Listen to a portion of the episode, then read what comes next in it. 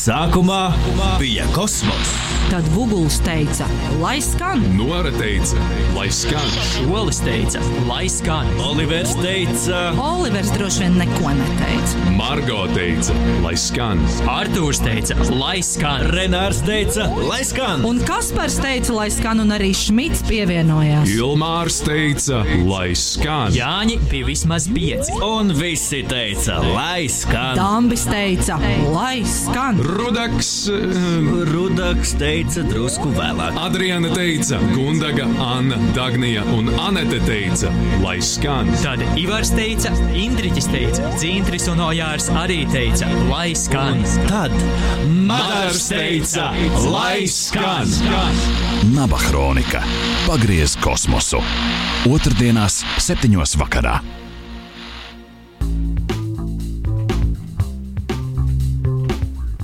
Labdien, dārgie radio nabu klausītāji! Šis ir rādījums Naba Hronikā. Pulkstenis rāda 19 un 1 minūte, un uh, mans vārds ir Nora Rieksta. Uh, nu jau trešā otrdiena pēc kārtas, kad mēs atskatāmies uz radio nabas vēsturi un uh, tiekamies šeit ar cilvēkiem, kas bija klāta radio nabas pašā, pašā sākumā. Un, Jā, esam jau uzzinājuši to, ka pirms radio nabas bija vēl viens radio, kas saucās Radio KNZ, un patiesībā tā vēsture pat bija vēl, vēl daudz senāka.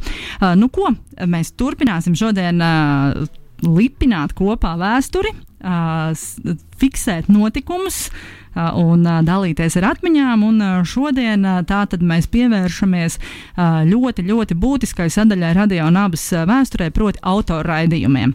Un, lai man piedod, itin visi, itin visi pārējie autorraidījumi, ir viens raidījums, kas tiešām ir tāds stabils un ļoti, ļoti būtisks pīlārs radio nabas pastāvēšanā. Un tas ir raidījums Bitīt Matos, kas bez pārtraukuma ir skanējis visus šos 20 gadus un skanēja arī radio KNZ. Kā es saskaitīju kopā, pavisam tie bija 39 raidījumi KNZ laikā, un tad nu, 20 gadu laikā kopā radio nabu tie ir nu, tiešām bezgalīgi un nesaskaitāmi daudz. Un raidījumu vadītāji ir bijuši vairāki, bet tomēr raidījumu aizsāka divas būtiskas personības Latvijas underground mūzikā. Un viens viesis, viens no viņiem ir jau šeit ieradies. ā, Tātad uh, Dambis, jeb pasē viņam rakstīts Raimons Lagīmovs. Sveicināts! Sveiks, sveiks. Un uh, otru viesi mēs vēl gaidām. Jānis Daugavietis, mūziķu biedrības tornis, uh, pārstāvis, uh, pētnieks, pats arī bijis uh, mūziķis, uh, bet viņš vēl ir ceļā uz studiju, tā ka viņš pavisam, pavisam drīz jau arī būs šeit. Bet kamēr mēs Jāni gaidām, es vēl atgādināšu par to, kā tālruņa numurs studijā ir 6722, 9986, uh, un jūs varat arī rakstīt un sūtīt e-pastus uz naba atradionaba.lv. Protams, arī meklējiet radio nabas profilus Facebook un Instagram. Noteikti es atgādinu, ka jubilejas dēļ ir jāpiedalās arī fotokonkursā. Tā ir diezgan svarīga radio nabas tradīcija. Tāpēc, jā, gatavojamies svinībām visi kopā. Nu, un, protams, arī vēl viens atgādinājums, vēl viens atgādinājums gan iepriekšējos raidījumus, gan arī šo.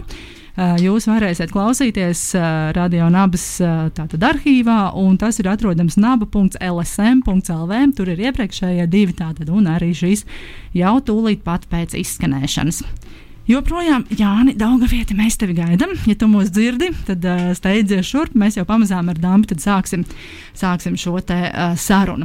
Varbūt, kā Dāmba izstāsta, lūdzu, uh, es zinu, un tas arī šur tur ir jau ticis rakstīts, ka bitīt matos vēsture patiesībā ir vēl senāka nekā radio KNZ. Proti, ja radio KNZ sāk skanēt 2000. gada 25. novembrī, tad uh, bitīt matos jau bija jau tomēr raidījums ar zināmu pieredzi. Jā, tā bija. uh, Man likās, 95. gadā, kad ir pēdējais laiks taisīt kaut kādu alternatīvās mūzikas raidījumu, jo bija saradušās visādas daudzas grupas, un likās, ka kaut kur viņām vajadzētu skanēt. Un ļoti sīkumos es neatceros, bet uh, tad laikā Mārcis Kalniņš strādāja radios konto. Un ar viņu kaut kā mēs sarunājām, laikam tur iesaistījās arī direktors, kad tiks veidots raidījums par alternatīvo mūziku radios konto. Tas bija 95. gads, jā, un pirmais rādījums bija 1. februārī 95. gadā.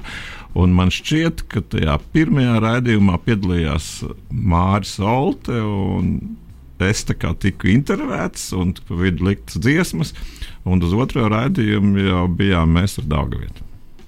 O, cik interesanti, un ka Mārcis Kalniņš ir intervijā tevi un piesaka, piesaka vispirms kā nākamo raidījumu vadītāju. Kāds bija šī raidījuma liktenis radios konto ēterā? Nu, tajā skonto mēs nu, kādus trīs vai četrus mēnešus darbojāmies, un tad izdomāja tomēr radiodirektors, un, uh, ka neatbilst formātam nu, tā mūzika. Un uz pēdējo raidījumu mēs izsaucām uz interviju to direktoru, lai viņš izstāsta publikai visu, kas un kāpēc nedara. Un ko viņš stāstīja?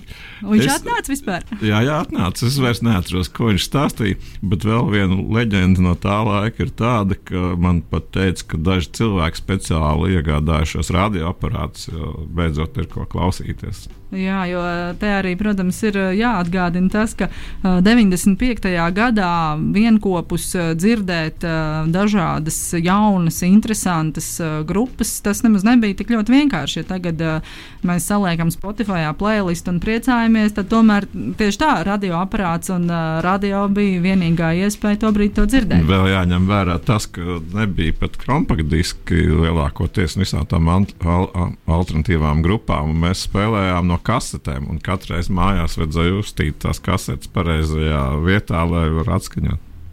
Jā, tas ir, tas ir tiešām tāds. uh, Um, tagad šķiet, uh, akmens laikmets.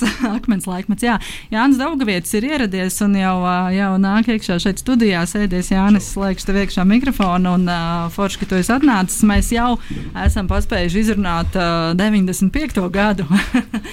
bet, Nu, bet, gan jau Dāngvietam ir savs skats, man liekas, uz to arī. Uh, 95. bija ļoti jauks gads, un 96. varbūt vēl labāks. Bet... Jā, bet mēs, mēs tad varam tā uzreiz pārlekt pāri uz 2000. gadu. Tā tad ir, ir ziņas, priecīgas ziņas. Būs īpašs radio, kurā, kurā tā tad būs ļoti liela loma atvēlēta nekomerciālai un pagrīdes un, un dažādai citādai komercradio formātiem neatbilstošai mūzikai. Kā sākās jūsu stāsts ar radio KNZ, kas bija nabas priekšgājējs? Nu, pirmkārt, man ir atmiņā, ka sākotnēji jau tas formāts bija nu, alternatīvā mūzika vai kaut kas tamlīdzīgs. Respektīvi, tur ne brīdi negāja runa, ka kaut kas cits varētu skanēt. Un, uh, nu, galvenais uh, arī tad, uh, radio nabas, uh, radio KNZ, tad uh, cilvēks bez šaubām bija uh, Madars Stramdieris, kurš uh, bija tolaik, es domāju, joprojām vēl uh, Latvijas universitātes students, uh, socioloģijas students, neatceros, kurā līmenī, maģistratūrā, bak bakalauratūrā vai doktorantūrā. un Viņam tāda ideja radās, un tā kā mēs Madaru, uh, gan es, gan Dāmas pazīstam diezgan sen, jo Madars pirms tam bija sācis jau dažus gadus agrāk spēlēt pagrīdes grupās, tādās kā sākumā Vēnspīlī uh, grupa Nācijas Urīns, varbūt vēl viens otrs projekts, un pēc tam Rīgā jau vairāk. Tukums, tumums vai smukums, tumums. Tas, man liekas, bija Granberga vairāk, bet, nu, nav svarīgi. Bet uh, Rīgā viņam bija grupa jau, nu, tāda jau nopietna ar koncertiem, nāves instinkts. Un tā kā Maduru mēs pazinām jau pirms tam krietni. Pirms KNZ, un uh, Madars arī bija izcēlies ar to, ka viņš ātri kļuva par tādu kā uh, menedžeri. Nu, pēdiņās vai nepēdiņās, bet nu, viņš organizēja koncertus un pēc tam jau aizgāja līdz uh, festivāla organizēšanai. Tā kā Madars bija zināms kā apģērbīgs, uzņēmīgs un tāds cilvēks, un kuram arī izdodas tas, ko viņš ir iecerējis. Mēs vēl atminējāmies iepriekšējā raidījumā, un tās atmiņas drusku atšķīrās ar iepriekšējiem viesiem Girču Šolu un Jānu Vugulu par to, ka pirms radio palaišanas bija konkurss, un, nu, lai komplektētu komandu. Jūs kaut ko tādu atceraties, vai jūs esat gājuši uz kādām pārunām, kur, kur, kur piedalās mediju profesionāļi, nu, ne tikai Madars, bet, bet arī pārējie cilvēki, kas tajā brīdī jau bija privāti īpašnieki šai frekvencei? Man liekas, ka kaut kas tāds bija. Vismaz vajadzēja izstāstīt aptuveni no koncepcijas, kas notiks radio raidījumā. Jā. Man arī atmiņā kaut kas tāds ir, jo, kā zināms, um, radio nabas, es domāju, viņi bija akcionāri vai kaut kādi. uh, Paju turētāji bija arī cilvēki nu, uh, no biznesa vai no žurnālisti, uh, žurnālistikas aprindām, no valsts. Vai, jā, un, nu, piemēram, uh, Līdaka, Gunta Līdaka, jā, jā. Līdaka un vēl kaut kādi džeki, nemazāk uh, apšaubāmi vai mazāk apšaubāmi. uh, kā mēs zinām arī no uh, vēlākajiem gadiem. Uh, visādos skandālos iesaistīti. Kā, nu, viņi nāca, protams, ar tādu biznesa ideju, vairāk vai mazāk, nu, arī formāts bija alternatīvā mūzika, nu, tomēr nu, jā, bija kaut kādas prasības. Un, piemēram, uh, mūsu ar Dāmbi sūtīja uz valodas kursiem. Uh, Latvijas Rādio 1. Un es domāju, mēs nebijām vienīgie. Un, um, mums uh, bija pasniedzēji vismaz trīs. Tātad Antonija Apele, uh, uh, aktieris Liniņš, uh, vecais uh, nu, nelēģis Antonija Apele. Jā, arī, jā. protams, nelēģis. Un uh, trešā bija valodniece. Viņa vairāk mums gramatiku mācīja. Mēs, nu, es domāju, vismaz pāris mēnešus gājām. Varbūt arī kaut ko iemācījāmies. Jā, un, uh, un beig beigās uh, pirmais raidījums, uh, kā vismaz man izdevās atrast, ir izskanējis 2000. gada decembrī. Un uh, no tā laika arī tas uh, tradicionāli skan svētdienās, un tā tas bija gan radio KNZ desmit mēnešos, un tā tas arī ir bijis šajos te radio nabas 20 gados. Uh, kā vispār radās šis nosaukums Bitīt matos, jo Bitīt matos nav tikai šī raidījuma nosaukums, tur ir, uh, tas jau ir tāds vesels zīmols, kā mūsdienās saka. Uh, Ja man atmiņa neviļ, tad es pat, man pat kaut kā liekas, ka tas bija trolēļbusā vai kādā transporta līdzeklī. Uh, tas jautājums tika pārspriests, kā varētu saukt uh, raidījumu, un tajā mirklī, man liekas, blakus bija Mārtiņš Lablēks, kas ir pazīstams kā dažādu alternatīvo grupu basists, un varbūt ne tikai. Un viņš ieteica šādu nosaukumu, un es atzinu to par derīgu. Man liekas, ka tas bija Lablēks. Uh, Es pieļauju, bet nu, noteikti tas nebija no manis, jo man tas nosaukums joprojām šķiet mazliet dīvains. Lūk, arī, arī atklājas neliels konflikts. Bet, 20 bet nu, tā, tā Pat mūzika, kas vairāk. tiek atskaņota, tā jau ir diezgan ir dīvaina bieži vien. Nu, labi, es varu vēl, vēl uh, brutālāk izteikties. Tas mazliet uh, laukus atgādina. Bet varbūt, uh, varbūt arī tas kontrasts ir tieši, tieši labs un kas laukos slikts tieši. Nu, ja ir izdzīvojis tas nosaukums raidījums uh, divas desmitgades plus, tad jau ir viss kārtībā. Viņam jau ir izveidojies laika gaitā droši vien cits tas uh, sat, saturiskais vēstījums jau daļēji. Nu, protams, ir daudzas grupas ar nu, sliktiem nosaukumiem, bet nu, galu galā mēs pierodam. Un, un galvenais jau nav nosaukums. Jā, un kā jūs nonācāt pie šī sava dueta? Jo nu, jūs abi sākumā vadījāt, un tad jums pievienojās Digis Sēra vēl jau KNZ laikā, bet tomēr tā kopiena, kas bija ap torni un galu galā tās Latvijas underground grupas jau uz, uz, uz to brīdi, kad, kad, kad, kad izveidojās radio KNZ, bija diezgan daudz, un tā kom, tās kombinācijas varēja būt diezgan dažādas. Kāpēc tieši jūs abi divi? Nu, sākās, protams, ar ā, radios konto, ko jūs droši vien jau pārunājāt. Tad, tad tur Dambis tika uzaicināts veidot šādu raidījumu, un tad viņš, nezinu kādēļ, aicināja mani, un tas pēc tam arī acīm redzot. ā, Pārnesās uz KNZ, bet kāpēc dāmas man aicināja? Nu, tā doma aptuveni varētu būt tāda, ka tu darbojies turnī, un tad laikā turnis bija diezgan nozīmīgs ar visām tām grupām. Tur tika ierakstītas visādas dziesmas, un es domāju, ka tu biji ar tā kā pārstāvis no tās vidas, un tas tā kā, nu, tā. Tā kā tev bija nu, pieejama visādi alternatīvās mūzikas ieraksti. Nu, jā, citas starpā nu, tas faktiski ir protams, saistīts ar turni, bet uh, iziet ārpus tā ir uh, dažādu pagrīdes izdevumu samizdāt, vai kā mūsdienās, un tad arī saucām drīzāk kā fanzīnu izdošana. Kā džīga un, un uh, turņa orgāns un tā tālāk. Un tur jau mēs apskatījām, nu, es nebiju vienīgais, protams, kas tur raksta, bet mēs tur apskatījām visādas Latvijas pagrīdes grupas un to jaunākos ierakstus. Es domāju, nu, jā, tas bija tas iemesls, ka mēs, nu, es šajā gadījumā ne tikai uz to nebiju koncentrējies. Jā, jūs bijāt tie cilvēki, pie kuriem uh, nonāca tādā koncentrētākā veidā. Dažādi jauni ieraksti, uh, grupas un mūziķi paši jūs atrada un, uh, un, un nesa tajā laikā droši vien sākumā kasetes un pēc tam kompaktdiskus, kā vispār tā ieraksta pieejamība un tas viss process, kā tas notika, jo gal galā arī nebija ne mobilais telefons, ne e-pasts, kā jums kādam piezvanīt vai uzrakstīt.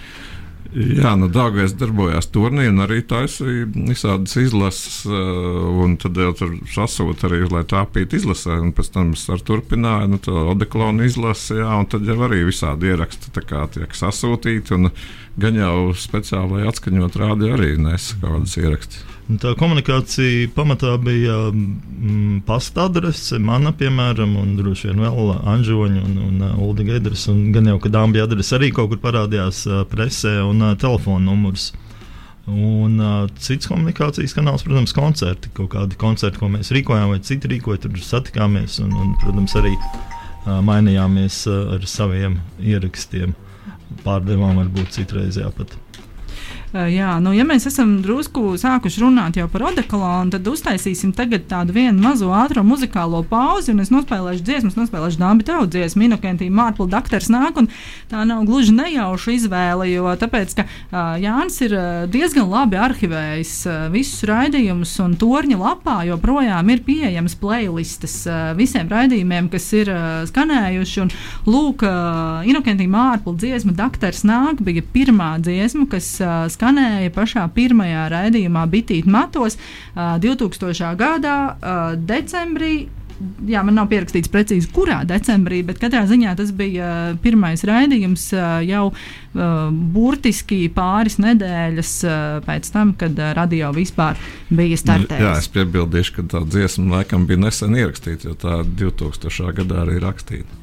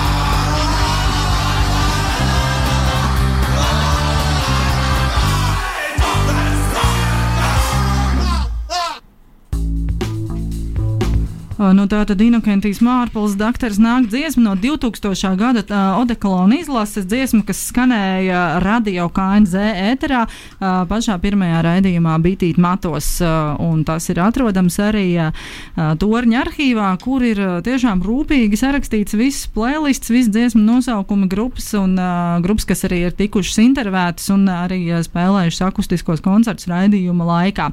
Es uh, pameklēju vēl mazliet uh, vispār uh, Latvijas underground uh, fani un arī paši mūziķi ir diezgan rūpīgi arhivētāji. Un, uh, ir atrodams arī Latvijas Indiju Music mailing list uh, atsauksme par pirmo raidījumu Uldis Gedra, kurš arī ir viens no torņa cilvēkiem un šobrīd Uh, viens arī no būtiskākajiem radio un abas darbiniekiem, lūk, ko raksta 2000. gada 10. decembrī. No tā mēs varam secināt, tātad, ka vai nu 10. decembrī vai 9. šis pirmais raidījums ir skanējis. Sākums jau bija grūts, bet gan jau vēlāk ies labāk. Raidījums paredzēts katru svētdienu, divas stundas. Tālāk raksta Ulrichs Gedra pēc, pēc, pēc pirmā raidījuma sākums bija grūts. Kā jūs paši atceraties šo pirmo raidījumu un vispār savu, savu šo sākumu radio ēterā? Es tieši to, to nabas raidījumu neatceros. Vairāk man iespiedies atmiņā tās uh, skonto raidījumi, kad bija nu, diezgan mēs nebijām pieraduši runāt radio etrā. Man liekas, ka mēs diezgan neveikli tur visu to darījām. Es uh, bez šaubām pirmo raidījumu arī neatceros. Un, uh, es atceros, ka tas notika Ķīpselā, Zemes ielā, RTU koju vienā no ēkām. Telpas nebija lielas pārāk. Un uh, vasarās, man liekas, bija diezgan karsts. Nu, vai tur viena vai divas vasaras, cik tur bija. Uh, braucām ar riteņiem parasti mēs. Un, un, uh, bet, uh, bet es kaut kad nesen paklausījos uh, ierakstu no, nu, varbūt no jau nabas uh, pirmajiem kaut kādiem raidījumiem. Un, Man liekas, ka mēs tīri braši jau runājām, bet nu, tur jau bija pagājis kāds laiks. Bet nu, sākumā noteikti bija grūti dažādu iemeslu dēļ. Jā, man klausītājiem arī jāatklāja, ka burtiski pusotru stundu pirms šī raidījuma sākuma Jānis nošēroja man vairākus folderus ar raidījumu ierakstiem. Un, un tas ir diezgan tāds, manuprāt, unikāls un arī būtisks fakts, ka lielākā daļa šo raidījumu ir ierakstīti un saglabāti. Tikai tie vēl nav izlikti publiski. Kaut kāda daļa vispār ir jo šur un tur var atrast, un pēc tam tie ir dažādās platformās. Kaut kas ir, protams, jaunākie raidījumi ir, ir radio un abas arhīvā, bet tādus senākus var atrast nu, vis kaut kur visādās, visādās lapās. Miksklaudā diezgan daudz. Jā, Miksklaudā tieši tā. Un, un cik, cik daudz tu pats varbūt zini, cik daudz no raidījumiem ierakstīti, cik vispār, jā, kas ir zudis, kas nav zudis, un vai ir kāda cerība, ka tas kādreiz tiks arī kaut kur izlikts publiski? Nu, mēs bez šaubām nesam tādu grāmatvedību veikuši veikuši un paši, nu, kaut ko mēs paši rakstījām, bet bija arī uh, daži tādi traki fani, piemēram, Sergejs Gaidāros. Viņš uh, rakstīja katru raidījumu kasetē, un, un ja viņš nebija mājās, tad viņš sievai vai meitai piekodināja, ka obligāti ir jāieraksta. Tā kā daudz kas ir ierakstīts, noteikti, viss nav ierakstīts, tomēr jau tur gadi bija gāja daudzi un uh, redzējumi ļoti daudz. Bet, uh, Izlikts uh, no tiem agrīnajiem gadiem, es domāju, arī nekas daudz nav. Bet uh, kaut kas ir man kasetēs, un kaut kas varbūt nedaudz ir digitalizēts. Un, bet es arī domāju, nu, kāpēc, uh, piemēram, tas pats Sergejs Gaidāros tā uzsēdās šim raidījumam, un uh, viņš nebija vienīgais. Nu, varbūt tāpēc, ka tas bija nu, īstenībā pirmais uh, tāds raidījums uh, par uh, latviešu pagrīdes mūziku. Un, uh, un tas laikam uzrunāja. Jā, un tam, tam nav tikai tāda varbūt, nu, vērtība, ka paklausīties, nu, kā tas viss skan, tā, bet teiksim, kaut kādai pētniecībai un kaut kādai tādai jau, uh, jau, jau atklāšanai par to, ka varbūt lūk, šajos 90. gadu beigās bija, bija arī diezgan atšķirīga uh, mūzika no tā, kas, kas varbūt ir tādā tā plašāk pieejama, tas, manuprāt, ir ļoti, ļoti uh, būtiski. Uh, jā, Tu jau pieminēji arī uh, to, ka ir bijuši visdažādākie viesi, un arī tā, tā viena lielā vērtība, kas bitīt matos ir bijusi, ir uh, dzīvie koncerti. Varbūt jūs varat vairāk par tiem pastāstīt. Uh, nu, daži koncerti man ir atmiņā palikuši, un uh, nu, jā, pārsvarā nu, faktiski visi tie bija radio mm, studijas vai studiju telpās vai blakus telpās. Tātad, nu, pamatā akustiski instrumenti, kaut kādi bungas, kā taburete, Nē, tabureti kā bungas parasti. Un kaut kas tādā garā. Un, piemēram, nu, man ir atmiņā uh, laba uh, Skyforger uzstāšanās. Iespējams, tas vēl bija KNZ laikā. Protams, viņi spēlēja folka uh, dziesmas akustiskā versijā, bet ļoti, ļoti labas. Vai, nu, uh, PND uzstāšanās, kas, protams, ir leģendāra visi, visi zina, kas fano par Latvijas pankroku. Un, un vēl, vēl vairākas interesantas, ļoti, piemēram, alternatīvnie kresnesi, tāda pilnīgi traka Rīgas krievu avangarda grupa šeit uzstājās. Un, un arī tur vismaz viens vai pāris ir jau nelaiķi. Es domāju, tas bija arī kaut kā tādā, tādā ziņā, ka uh, tam grupām lielākoties vēl nebija tad, uh, tāda studijas ieraksts un uh, nebija tā lagā uzreiz ko atskaņot, un tad vienkārši spēlēja dzīvē. Jā, mēs varētu. Es redzēju, ka tajos nošērotajos uh, failos ir tevis pieminētie gan PND, gan Skyforger uh, koncerti, uh, tieši ierakstīti ķīpselā. Uh, varētu mēģināt tagad uh, publiski radiofrekvencē lūgt uh, radio nabas uh, vadībai apsolīt, uh, izlikt uh, šos te koncertus uh, nabas mājaslapā noklausīšanai, jo es domāju, ka klausītājiem tas varētu būt uh, ļoti, ļoti interesanti. Nu, protams, pašiem autoriem, izpildītājiem arī jāprasa būt atļauja. Un, bet es domāju, tur viena problēma varētu būt tāda, tā kā datoru jaudas bija švakas to laiku, un tur bija uh, mode uh, ierakstu veivos, ja lielie faili pārvērst MP3. Un tos oriģinālos uh, veidu failus izdēst, un paliek tikai MP3. Un es baidos, ka daudz kas ir tikai MP3 variantā palicis. Bet, nu, labāk MP3 nekā nekas, protams. Tev, Dāmbi, ir kaut kas vēl piebilstams? Vai? Es atcerējos, kad bija arī mm, skandāls, bija Kanādas latvieši. Jā. Kad tāda arī spēlēja mums dzīvē. Jā, jā, KNZ. Mm -hmm. Bet, nu, jā, nu, to, kas ir, to vajadzētu laika gaitā, es domāju, kaut kādos arhīvos salikt. Uh, tad, kad jūs aicinat viesus un kad jūs izvēlaties uh, spēlēt uh, mūziku, nu skaidrs, ka, ka viena lieta ir, protams, uh, novilkt kaut kādas sarkanās līnijas ar uh, to tipisko popmūziku, kas uh, skan komerces radiostacijās. Tomēr nav tā, ka jūsu viesi vienmēr ir bijuši tikai nu, tādi mm, pagrīdes mūziķi, kuri atnāk šeit ar saviem uh, demo ierakstiem. Uh, tu jau pieminēji Mārtiņu Braunu, kas, piemēram, ir bijis arī Bitīt Matos viesis, Pitu Andersonu, varbūt vēl kādus. Es domāju, ka viesu mums ir bijuši ļoti daudz, tad, bet tad vajadzēja sastādīt sarakstu. Tas nav izdarīts. Es domāju, ka nu, praktiski nu, visi gluži nē, bet ļoti daudz vismaz tādu alternatīvās mūzikas pārstāvju. Es domāju, ļoti daudz, bet tik pa laikam arī nu, Junkrau bija un Kulakovs. Kulakovs jau reizi. pāris reizes bijis. Jo tā bitīt matos viena no interesēm jau ir ne tikai pagrīdes aktuālā mūzika, bet vispār Latviju, latviešu, Latvijas roka mūzikas vēsture. Un, uh, līdz ar to, protams, mūs interesē arī visā, nu, tīpaši dāmas, piemēram, pērkons vai, vai katedrāle, vai nu, jebkas no vecā roka arī. Tāpēc uh, bez šābām mēs esam aicinājuši arī šī vecā roka pārstāvis, kas mūsdienās, protams, varbūt jau ir uh, citā pavisam uh, laukā, bet uh, kādreiz viņi noteikti bija ļoti tuvu šim. Mm -hmm, mm -hmm. Uh, nu, ja mēs runājam uh, par, uh, par vēsturi uh, un par uh, Latvijas pagrīdes mūzikas vēsturi, es izvēloties dziesmas, domāju, nu, ko tādu vēl varētu nospēlēt, kas uh, tiešām ļoti sen varētu nebūt skanējis uh, radio un abē ēterā, bet kas uh, tomēr ir tāda bijusi spilgta liecība uh, Latvijas uh, underground mūzikā. Un es nonācu pie grupas citā attieksme, uh, un to mēs tūlīt pat arī klausīsimies, uh, jo tā arī ir viena no grupām, kas ir bijusi ciemos uh, Bitīt Matos raidījumā, un, ja es pareizi ievēroju, tad arī nospēlējusi koncertu studijā. Mm, to es neatceros, bet ļoti iespējams, varbūt. Tad jā, tad uh, klausāmies citu attieksmi, how long.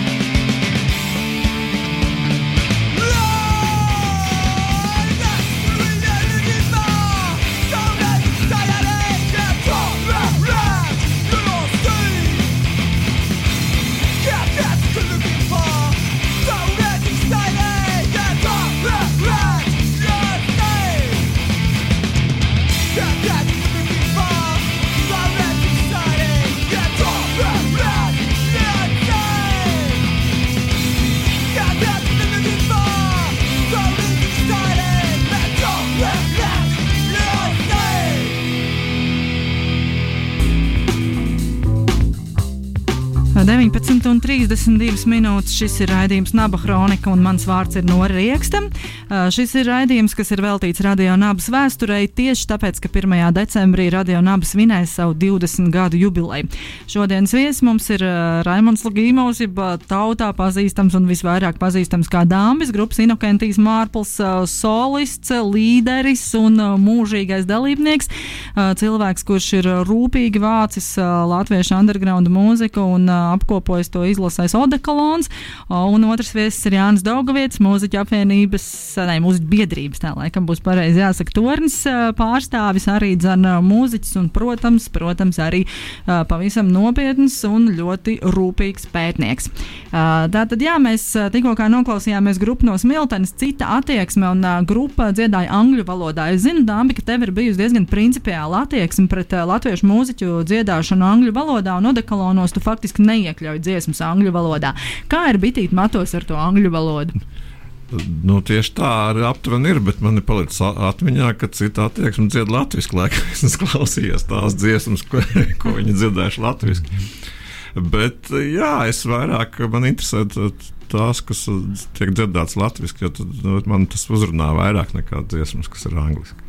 Bet raidījumā jūs arī esat tikpat principiāli. Nē, tas nav principiāli. Tas ir nu, pārsvarā tiek raidīts uh, latviešu. Gadās jau arī angliski un citās valodās ar kādas dziesmas.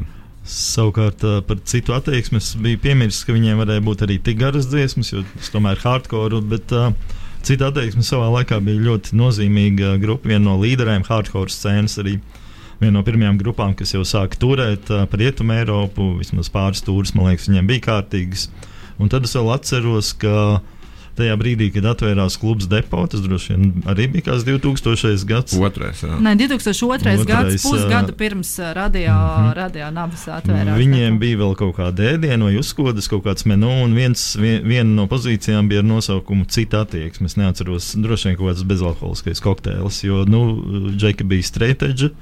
Tas nozīmē, ka viņi seksam, narkotikām, alkoholam saka nē. Un, un gaļai arī. Nu, varbūt, jā. Un, bet šobrīd, kā mēs zinām, grupas dziedātājs Andris ir viens no Maldugunas šefiem, alus darītājiem. Uh, un uh, labi, ja ar angļu valodu uh, arī nu, jums bija sava attieksme. Kā ar Latvijas krievalodīgo undergroundu? Kā, kā nu, vismaz, viņiem ir klājies? Vismaz pirmos desmit gadus man liekas, ka mēs atspoguļojam diezgan sparīgi arī krievalodīgo mūzikas scēnu. Tagad ir mazāk, bet arī es domāju, tā scēna arī ir pamazinājusies. Jā, un ar tām Rīgas krievu grupām, nu, ne tikai Rīgas krievu grupām, tā, tā problēma, mūsuprāt, ir tā, ka viņu mūzika ir pārāk tradicionāla ļoti bieži, un tas varbūt ir viens no iemesliem, ka mēs maz esam spēlējuši salīdzinoši. Bet, nu, piemēram, runājot par dzīviem koncertiem, man atmiņā viens ļoti labs koncerts Ložnēju Vizov, tāda nu, 90. gadu beigu Rīgas krievu pankro grupa. Tas bija KNZ ļoti labs koncerts, iesaku paklausīties kādreiz, ja, ja uzpeldi.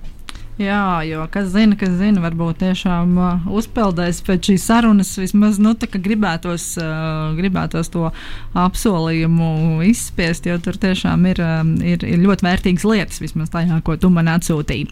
Uh, lūk, radio KNZ skanēja desmit mēnešus. Tu pieminēji, vai tā bija viena vasara vai divas. Tā pilnīgi noteikti bija viena vasara. Tie bija desmit mēneši no 2000. gada novembra beigām līdz līdz 2001. gada rudenim. Nu, tur tie, tie, tie datumi var atšķirties, ko mēs pieņemam par beigām, bet uh, katrā ziņā radiostacija tika pārdota, un vienā jaukā dienā mēs vairs uz šo radiostaciju ierasties nevarējām. Kādus jūs atceraties radio KNZ beigas?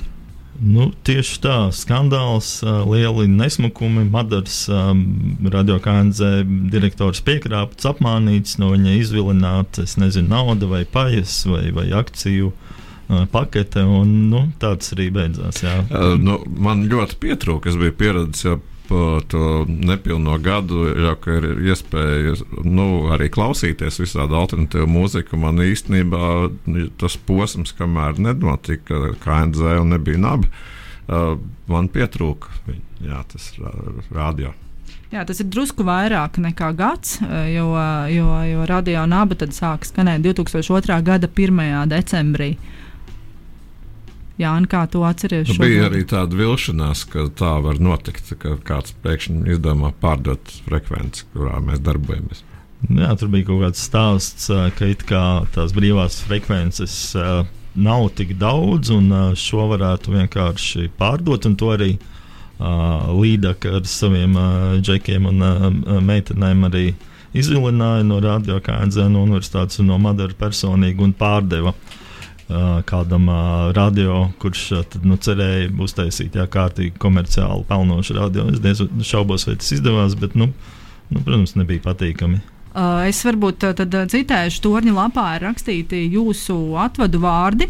Uh, un, uh, lūk, uh, tā tad no 2001. gada rudens ir sekojošs teksts. Šobrīd varam teikt, ka KNZ ir miris, radio vilnis ir pārdots, un līdzšinējā radio KNZ vietā top kārtējais komercradio ar uzdevumu kļūt par vienu no trim populārākajām radiostacijām. Tādējādi cerot tuvoties savam mērķim ar vien lielākai peļņai. Mēs izsakām vissirsnīgāko pateicību mūsu klausītājiem. Mēs zinām, ka jūs bijāt, un skaits nav svarīgs. Jūs pierādījāt un parādījāt, ka arī Latvijā ir savādāk cilvēki ar mazliet citādāku pasaules uzskatu, mazliet atšķirīgām vērtībām un citu muzikālo gaumi.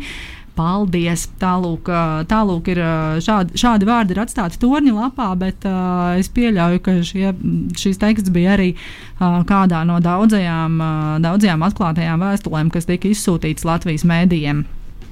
Jā, es tagad sāku atcerēties, ka bija arī kaut kāds protests vai mēģinājums veidot kaut kādu publisku protestu. Tā kā KNZ bērns varbūt arī bija, varbūt kāds gājiens vai kāda, kāds pikets neliels. Kaut kas man tāds miglēna atmiņā uzaust šobrīd.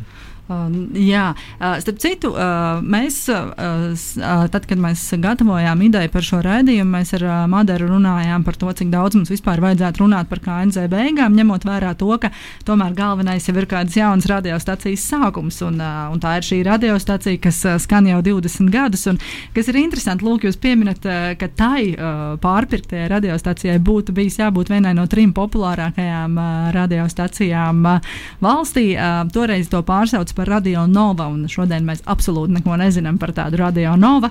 Bet naba skan vēl joprojām. Bet, ja kādam interesē šis stāsts detaļās, un lai nebūtu tur aptuveni jā, jā, jāklausās un jāsaka tādas, tādas nu, frāzes par lietām, kuras mēs varbūt īsti neatceramies, ir viens ļoti labs raksts, kur viss ir salikts daudz maz lielos triepienos pa plauktiņiem. Proti, ja jūs ierakstīsiet Google. Uh, KNZ postfaktum. Jūs atradīsiet uh, Mārtiņu Kaprānu, tolaik vēl uh, sociālo zinātņu fakultātes uh, studenta uh, rakstu, kurā tad uh, plus mīnus ir izstāstīts, uh, izstāstīts šis te radio KNZ beigu stāsts. Bet uh, mēs svinam jaunu radio sākumu, kam šogad ir uh, 20 gadu jubileja, un uh, Bitīt Matos atgriezās radio na nabā jau pašā pirmajā radio skanēšanas dienā. Radio sāk skanēt 1. decembrī, un 2002. gadā 1. decembris bija svētdiena. Šitā. Jā, un vai, vai jūs atceraties to pirmo raidījumu? Jo tāpēc, ka es pieļauju, ka tai blakus telpā bija uh, diezgan jautras svinības. Uh, ja tu tā saki, tad uh, man uh, tādā miglainā atmiņā kaut kāda šampanieša un, un kaut kas tāds glāzes, varbūt kāda torte. Varbūt tā ir, bet uh, ne konkrētāk. Bet ne man liekas, konkrētāk. ka ir bijušas vairākas reizes, ka ir svinības ar Bitītu Matos laikā, man šķiet. Bet es gribēju pieminēt, pieminēt arī to, ka ir jau daži grūti momenti bijuši arī nabē, kad gandrīz uh, jāmaina frekvences un notiek arī visādi izcīņas un tā. Jā, protams, tā 20 gadu vēsture nebūtu nav bijusi vienkārša, un es uh, domāju, ka kaut kādā posmā mēs noteikti arī to izrunāsim, jo, uh, jo ir jau bijis arī tāds vēsturisks laiks, kad radio naba skan tikai uh, tiešsaistē, un tad ir bijis tāds laiks, ka radio naba skan uh, uz pusēm ar vēl kādu citu Un radiostaciju. Vēl ir bijis tā, ka tiek retranslēts radio viens un tiek raidīts Bitītu Matos par radio viens ar kaut kāds mirklis bija tāds. Jā, un, protams, arī ceturtdienas ar neiztrukstošajām saimnes sēdēm. Tas bija tad, kad bija tas streiks, radio un nemaksāja viņiem algu, un viņiem nebija laikam rādījuma. un tika retranslēts, un bija matos, radio viens tāds Pat, pat bitīt matos varēja atļauties. Jā. Jā. Uh, vēl ir tā, ka mēs jau sākumā pieminējām Digzēru, kas ir uh, vēl viens Inokentija Mārpula dalībnieks, kurš arī bija diezgan būtisks uh, raidījuma vadītājs. Uh, teiksim, ja mēs tā sadalām lomas, tad viņš bija tā, tāds jautrais drusku. Uh, bet kādi vēl jums ir bijuši vadītāji? Es zinu, ka Rudaks ik pa laikam, uh, ik pa laikam piestaigā uz raidījumu. Nu, vairāk ar Rudaku sadarbību bija tad, kad nu, tā, viņš izlīdz, tā, ka kāds netiek no raidījuma vadītājiem. Uh, Tādi ir cilvēki bijuši vairāki, bet tāds patstāvīgs dalībnieks ir bijis Jānis, Dīdzis, Blicons. Kas vada arī šobrīd? Jā, uh Mhm. -huh. nu, es. Jā. Bet ir bijuši vairāk cilvēki, kas kādreiz, kad netiek otrs vadītājs, uh, tad izlīdz ar klātbūtni. Man bi- bieži vien tas viss iet tad improvizācijā, un tas, kamēr es meklēju dziesmu vai kaut ko tādu, tad otrs bišķiņi parunā kaut ko. Man atmiņā, ka kādu brīdi mēs mēģinājām piesaistīt kādus jauniešus, un, un pat kādu brīdi bija kāda meitene, diemžēl neatceros viņas vārdu, kura gatavoja ziņas, vai nu, ko, kaut ko mēs mēģinājām, bet, bet nu, gal galā tad optimizējāmies un palikām tur mēs divatā vai trijotā ar Didzi, un, un kad es aizgāju, tad, tad ambis divatā pārsvarā, tā kā, jā. Jā, cik tu sen jau vairs nevadi bitīt matos? Nu, es tā rēķinu, ka tas bija apmēram brīdis, kad man piedzima trešais bērns. Viņš piedzima 11. gadā. Tā varētu būt. Un tad es domāju, arī tas sakrit ar brīdi, kad mēs pārcēlāmies no Rīgas uz uh, ārpuspilsētu. Un tad tur arī krīze bija ekonomiskā, un iespējams es jau arī drīz biju darbu zaudējis un meklēju jaunu darbu. Tā tad nebija naudas, laika un uh, jā, nabadzībā mūsu ģimene kārtīgi iebrauca trešo bērnu. un Es domāju, tas bija 11. un 12. gads, kad es uh, beidzu vien tas laiks. Ātrs skrien tieši tā, jā, nu jau ir, nu jau ir vairāk nekā desmit gadi riņķī. Uh, ja mēs runājam vēl par raidījumu saturu, Jāni, tu, tā, tu esi uh, sociologs un pētnieks, un, uh, un tu ik pa laikam nāc klajā ar dažādiem uh, statistikas datiem. Vēl pavisam nesen tādu zinām vētru uh, sacēla uh, tevis apkopotā statistika par uh, klausītākajiem, par visvairāk klausītajiem uh, mūziķiem uh, Spotify šobrīd. Bet vai tev ir kaut kāda statistika par to, kura grupa ir visvairāk skanējusi bitīt matos ēterā?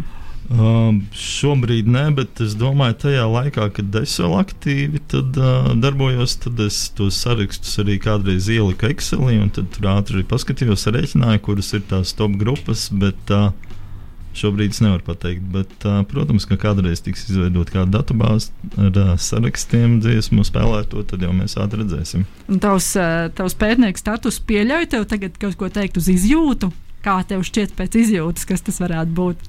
Nu, noteikti Inokentijas mārplis, jo arī, kad nāk jaunie ieraksti, un, un tad jau pats autors arī atnes un nospēlē uh, bez Ir šaubām. kaut kādiem posmiem, bija es atceros, ka viena posma bija ļoti populāra Tesa. Uh, jā, nu, noteikti tas ir posmiem. Un, piemēram, man kaut kā arī braucot šurp atmiņā, uh, atnāca židrūns. Um, bija kaut kāds brīdis, kad uh, mēs uh, klubā depo organizējām bitīt matos koncertus, un uh, tur spēlēja židrūns, nu, pavisam um, pirmajā sastāvā droši vien. Un uh, embrijs, embrijs uh, faktiski jā, viens no pēdējiem koncertiem, embrijs, kad jau embrijs jau uz Dundunu jau gāja. Un, Uh, noteikti tad, jā, šīs grupas mēs daudz spēlējām. Nu, demo. gan jau, ka balvoži skanējuši daudz. Bez šaubām, bez šaubām. Jā, tu jau pieminēji uh, koncertus depo un uh, bitīt matos. Tas, uh, tas lūk, ir zīmols, jā, kas, ir, uh, kas ir ne tikai raidījums, kas ir uh, tāds jau uh, vesels, vesels satura kopums. Uh, kas vēl ārpus uh, raidījuma ir bijis uh, zem bitīt matos? Tātad, jā, šie te koncerti. Nu, depo. jā, depo bija koncerti, bet tas bija vienkārši koncerts. Bet vienu mirkli bija koncerti Naba kluba, un viņi tika pārraidīti tiešraidē no Nabas kluba ēterā. Jā, protams, tehniski tas nebija viegli, un uh, visi mocījās vairāk vai mazāk, bet nu, vienalga tur bija labi koncerti. Nu, piemēram, atmiņā ir uh, nepilngadīga Anna ar savu koncertu un ieradās ar savu svītu, un droši vien pamet arī ar savu svītu Naba klubu. Uh, nepilngadīga Anna pēc tam uh, pārdzima uh, Gata Ziemas uh, karaliskajā dekadencē. Un, jā. Vēl tika nosaukts uh, ma mazalbums uh, Inokentiem Mārplam, Bitīt Matos, kas vēl joprojām ir ļoti populārs logo, ko izmanto mm, teikrakli. Mhm. Teikt krekliem, tas cilvēkiem patīk. Viņš, tad, tas arī jā, ir kaut kā tur tā bija, bija raidījums. Un, uh, Es pat nezinu, kurā 2002. gada, kurā sākās at, atsāka naba. Nabas atsāka skanēt 2002. gada, nu, sāka no jauna skanēt, jā, 2002. gada 1. decembrī. Jā. À, tad, tad nebija atsācies, vēl iznāca tas uh, mini-albums. Tas laikam jau bija tāds tā kā, nezinu, atgādinājums, jo tas iznāca pavasarī, man liekas. Jā. Uh, vispār Jānis ar latviešu mūzikas pētīšanu nodarbojas akadēmiski, un tu, tu vienkārši nodarbojies ar Jā. latviešu mūzikas pētīšanu. Un darat to abi jau pietiekami ilgi, un arī, protams, ka šis raidījums un, un, un visu laiku tā rokas turēšana uz pulsa noteikti ir ļāvusi izdarīt kaut kādus secinājumus nu, par to, kas, kas notiek ar, ar, ar latviešu mūziku, tieši ar, ar šo nekomerciālo un pagrīdes mūziku, kādas idejas virmo kurās, kurās desmitgadēs un, un, un, un paudzēs. Un man teiksim, tā, nu, tādam, tādam paviršam skatītājam no malas, nu, šķiet, ka tas viss notiek tādā viļņveidā, ka ir kaut kāds brīdis, kad ir, ir, ir daudz grupas un, un, un, un ir kāds noteikts stils, kas tajā brīdī ir topā. Es jau pirms tam uh, aizkadrā pieminēju, ka teiksim, ir, bijušas, uh, ir bijis brīdis, kad ir bijušas daudz skā grupas. Šobrīd skā grupas šķiet, ka gandrīz vispār nav un tam līdzīgi. Un, uh, kādi varbūt ir tev kaut kādi secinājumi, Dambi, par to, kādas ir, uh, kā, kādi ir tādi īpaši brīži, vai, jā, vai tas notiek viļņu veidā? Vai... Ir, ir visādas modes tendences, bet ko es gribēju pieminēt, ka noteikti ir laika gaitā uzlabojusies ierakstu kvalitāte un muzicēšanas mā, mācīšana. Ir daudz, mūsdienās daudz viss profesionālāk dara. Uh, Un, uh, jā, modes uh, tendences, protams, viņas arī viļņveidīgi. Pieņemsim, nu, ja runā par pankroku, tad pieņemsim, ir kaut kāds vilnis, tad pamazām noplūk, un tad nāk atkal jauns, un atkal attīstās tas, uh, vai tā kā reanimējās kaut kādi stili. Tā. Bet šajā es noteikti gribu piebilst, ka ļoti liela nozīme ir bijusi radio nabai um, jaunās latviešu pagrīdes alternatīvās mūzikas izveidē un ā, dzīvošanā un attīstībā, un arī, protams, redzējumam bitīt matos. Un, nu, piemēram, tāds gadījums šobrīd man interesē īpaši Rīgas jaunā scēna. Jaunās uh, pagrīdes grupas, un es runāju ar vienu cilvēku no, no šīs scēnas, un to es esmu kaut kur stāstījis. Un viņam tēvs esot teicis, ka nu, Rat- Latvijā ir viens uh, radio klausāms, nu, radio naba. Un tas Džeks saka, nu, principā, jā, es viņam piekrītu. Nu, tas parāda arī to, ka radio naba jau tiešām ir uh, ne tikai jauniešu vai nevis jauniešu, bet arī bijušo jauniešu radio, nu, tā kā uh, manas paudzes 40, plus 50 jau plus. Un uh, jaunās scēnas mūziķi jau ir īstenībā uzauguši, uh, piemēram, Nigotīņu. Uh, dziedātājs Matīs saka, ka nu, kopš bērnības viņa māte ir klausījusies balāžas pilnas pagalmas un, un, un, un tā tālāk. Un, um, šobrīd uh, šobrīd uh, viņa māte um, bez, bezsakarīgi daudz uz apli griež šņiku. Viņš jau vairs nevar izturēt. uh, tā kā radio naba noteikti ir viens no faktoriem, kas ir atbalstījis uh, Nu, Šķiet, jauno- dalībniece arī Jānim Kalvam ir uh, Jā, viena kurš šobrīd suņus, kurš ir, ir suņu stundas uh, mūziķis. Jā, tieši tā. Un noteikti ir vesels bars, ko mēs neesam atšifrējuši, kurš kuram ir bērns un kurš kuram ir vecāki. Jā, jo radio nabām un iepriekš kā NZ ne tikai jā, jā, atskaņojot ārzemju alternatīvo mūziku, bet arī nu, dodot vietu platformu vietējai mūzikai, ir atbalstījuši šo scēnu. Jo nu, neviens īstenībā jau neviens cits radio līdz mūsdienām īsti nespēlē šādu mūziku sistemātiski. Uh, Tieši tā, un tas jau uh, tomēr, lai cik ļoti uh, būtu kaut kāda uh, sava nostāja sava attieksme, tomēr, uh, ja tev ir sava radiostacija un tev ir iespēja nokļūt pie tā klausītāja, tas ir tomēr uh, ļoti, ļoti būtiski pat tādā laikmetā, kur tu vari to klausītāju sasniegt arī ar YouTube, Spotify un vēl dažādu citu straumēšanas uh, platformu palīdzību. Bet sakiet, uh, vai jums kaut kas vēl ir tāds, kas latviešu mūzikā jūs spēj pārsteigt? Nu, man vienmēr pārsteidz un aizgrābja un, un ā, saviļņo ļoti labas jaunās grupas. Un, nu, turpat nav būtiski, kādā žanrā stilā viņi spēlē, vai tradicionāli pankroku, hard, hardcore vai kaut kādu indiju. Ja tā ir laba grupa, labi dzieda, radevi, enerģiski vai kaut kādi vēl citi parametri, kas man pārliecina, tas man ļoti, ļoti Var sniedz, tikai pievienoties. sniedz estētisku baudu un emocionālu pārdzīvojumu kārtīgu. Un katrā ziņā jūs, jūs tad, jums nav šī tā, tad, kad mēs augām. Tā, tas, tā, tā, tāda attieksme nav jūs. Uh, Man noteikti nav, jo es domāju, dažas uh, no šīs uh, Rīgas jaunās scēnas grupām, kas šobrīd spēlē, tās ir nu, absolūti klasika. Viņas paliks mūž mūžos Latvijas roka vēsturē. Tā kā es ticu, tas arī notiks nākotnē un vienmēr. Man, es vienmēr cenšos sekot arī jaunajai mūzikai. un Ticu, Tieši tā, es arī uz koncertiem eju visādiem jauniešiem, ja ir brīvs laiks. Jā, un vēl man liekas, tāds viens būtisks, būtisks tāds vēsturisks punkts uh, Bitīt matos un tieši arī visas Latvijas uh, alternatīvās un pagrīdes un nekomerciālās mūzikas šai attīstībā ir bijis tas, ka Bitīt matos finansējumu piešķir valsts kultūra kapitāla fonds. Cik gadus tas jau notiek un, un, un, un kā tas vispār? Nu, lielākoties tas tā nav noticis. Tas bija, kamēr ar Jāni mēs kopā darbojamies, tas bija kāds divas, trīs reizes, man liekas, ka piešķīra kaut kādā posmā. Un tagad nu, nezinu, pēdējos pāris gadus ir atbalstījuši, bet lielākoties ir pilnīgs entuziasms tas bijis. Nu jā, un, uh, man varbūt pēdējos nezinu, 20 vai cik gados tas nebūtu tik svarīgi, jo man tomēr ir bijis uh, stabils darbs kaut kāds, nu, izņemot tur, uh, ekonomiskās krīzes laikā, jo nu, tomēr bērni jāuztur. Un, kamēr Dambis, es domāju, viņš ir tāds uh, freelanceris, kā mēs mūsdienās runājam. Un Dambim, es domāju, noteikti ir dažādi periodi dzīvē, un arī šie kultūra kapitāla, es nezinu, 100, 200 vai, vai cik eiro pa mēnesi vai pa pusgadu. Noteikti ir ļoti labs atbalsts, kad ir. Jā. Nu, katrā ziņā tas arī tāds, nu, ja mēs teiksim, par, par, par praktisko pusi nerunājam, bet tīri par pašu faktu, tad man šķiet, tas ir tāds labs, labs zīmoks, ka, ka šis ir akceptēts un, un, un, un Latvijas šī mūzikas daļa ir svarīga mūsu kultūrā. Lūk, ir jau 19,53 minūtes. Raidījums Naba Chronika pamazām tuvojās savai izskaņai, un es uh, ikvienam šī raidījuma viesim jautāju to, kāpēc, uh, pasakiet, lūdzu, kāpēc Latvijas uh, mediju vidē ir būtiski tāda radiostacija kā Naba. Tu jau, Jāni, zināmā mērā uz šo jautājumu atbildēji, bet varbūt ir uh, kopumā ne tikai par latviešu mūziku runājot, bet, uh, bet vispār, kāpēc, kāpēc ir svarīgi, ka 20 gadus uh, šis radio ir skanējis un uh, skanēs arī vēl turpmāk? Es domāju, ka nu, viņš kaut kādā ziņā ir interesants, jo ir ļoti dažādi raidījumi par dažādām tēmām.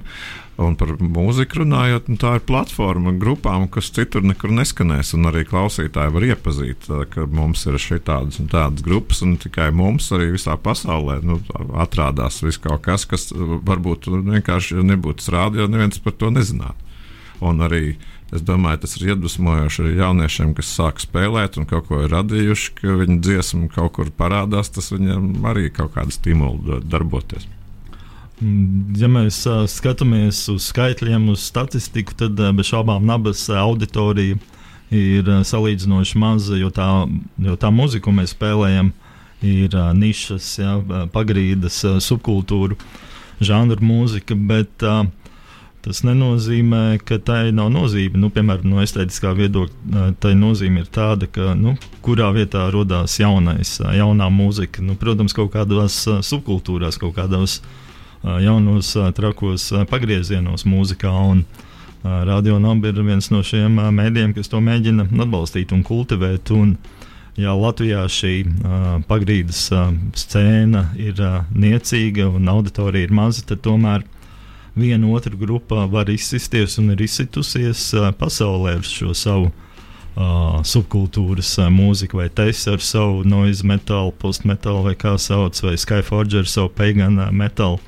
Un es domāju, ja nebūtu uh, radio nāba un uh, kaut kādas uh, struktūras, kas apkārt veidojās, vai paralēli koncertu festivāli, tad nu, tās grupas arī varbūt nemaz nebūtu tik, tikušas tik tālu, lai viņas spētu arī uh, doties ārzemēs, turēs, izdot ierakstus ārzemēs un iepatikties arī globālajai publikai ārpus Latvijas.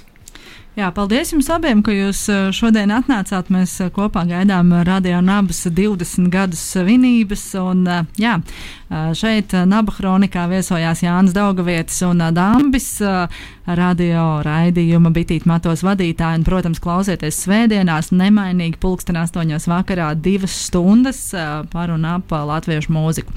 Visu labu jums, bet pirms mēs atvadāmies, es uzlikšu vēl pēdējo dziesmu, un tas būs tāds tā kā tilts no 2000. gada Odekalona un Inukentī Mārpla uz uh, 2022. gada Odekalona, kas ir burtiski pirms kāda mēneša iznācis. Un, un tā ir grupa, par kuru Jānis, tu esi ļoti labus vārdus teicis, un šodien jau raidījuma laikā arī pieminējis. Un jāsaka tā, ka tā tiešām ir spilgta, ļoti spilgta parādība šobrīd Latvijas pankrokā un pankrītas mūzikā. Vispār tā ir grupa Šņika, atšifrējas kā Šņaucēja klubs un grupa, kas jā, uzrunā jau pirmajā koncertā par draugiem. Tā skan Undergrounds uh, 2022. gadā. Visu labu! Vislabāk! Tā, tā.